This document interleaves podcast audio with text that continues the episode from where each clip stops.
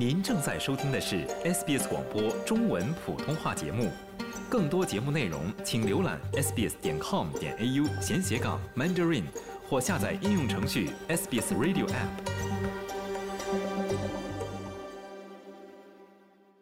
I just started getting blisters on my arm and the back of my neck. Started 我的胳膊和脖子后面开始起水泡，开始发痒，非常的痒。水泡出现几天后，我去看了医生。是的，他们诊断说我得的是带状疱疹。这就是帕梅拉，一位在五十多岁时患上带状疱疹的女性。她与格兰素史克公司分享了自己的故事。格兰素史克公司为带状疱疹宣传周推出了一个名为 knowinggoes 点 com 点 au 的网站。格兰素史克公司表示，很少有人能够意识到自己是多么容易感染这种疾病。马克辛就是其中之一。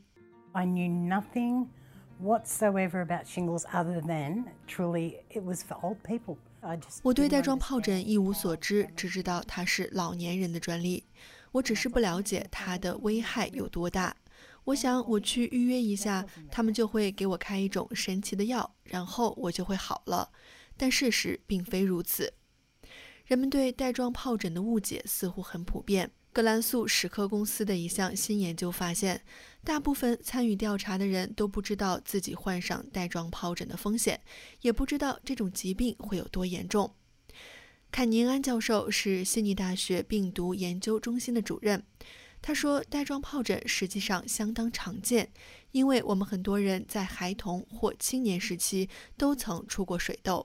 It's caused by the chickenpox virus, and then as people age, the, the virus reemerges and causes. 带状疱疹是由水痘病毒引起的，随着年龄的增长，病毒会再次出现，并导致皮肤感染。高危人群是那些正在老去的人，尤其是五十岁以上的人。大约三分之一的人在一生中的某个阶段会患上带状疱疹。有一种叫 Shingrix 的疫苗可以预防带状疱疹，每次免疫接种通常需要花费五百六十澳元。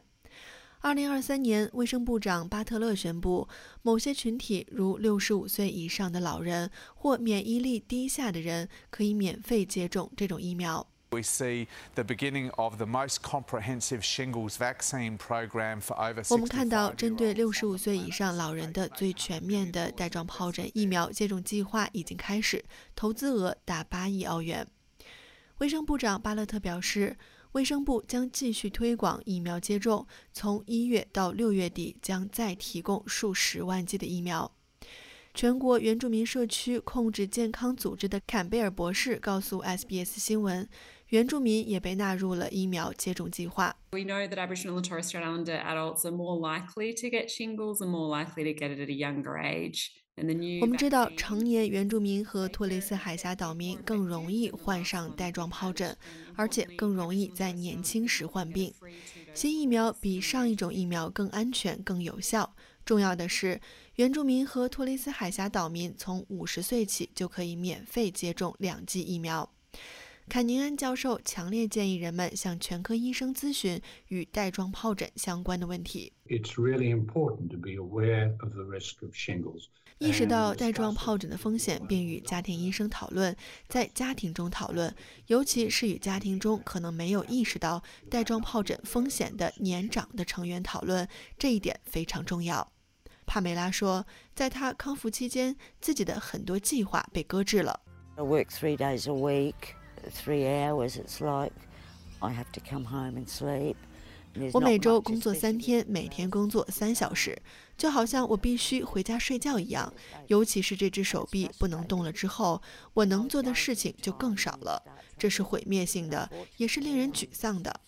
我本打算退休后开始旅行，但不幸的是，由于带状疱疹，我现在只能待在这里，因为疼痛，我现在哪儿也去不了。马克辛希望通过大力的宣传，能够提高人们对带状疱疹的认识。I wish I could tell everyone. I just want them to know, you know, how bad it is. 我希望我能告诉所有人，我只想让他们知道情况有多糟糕。我非常期待重新回到厨房，制作出美食，重新回到花园，享受散步的乐趣。在阳光下散步将是一件美妙的事情。Would be amazing.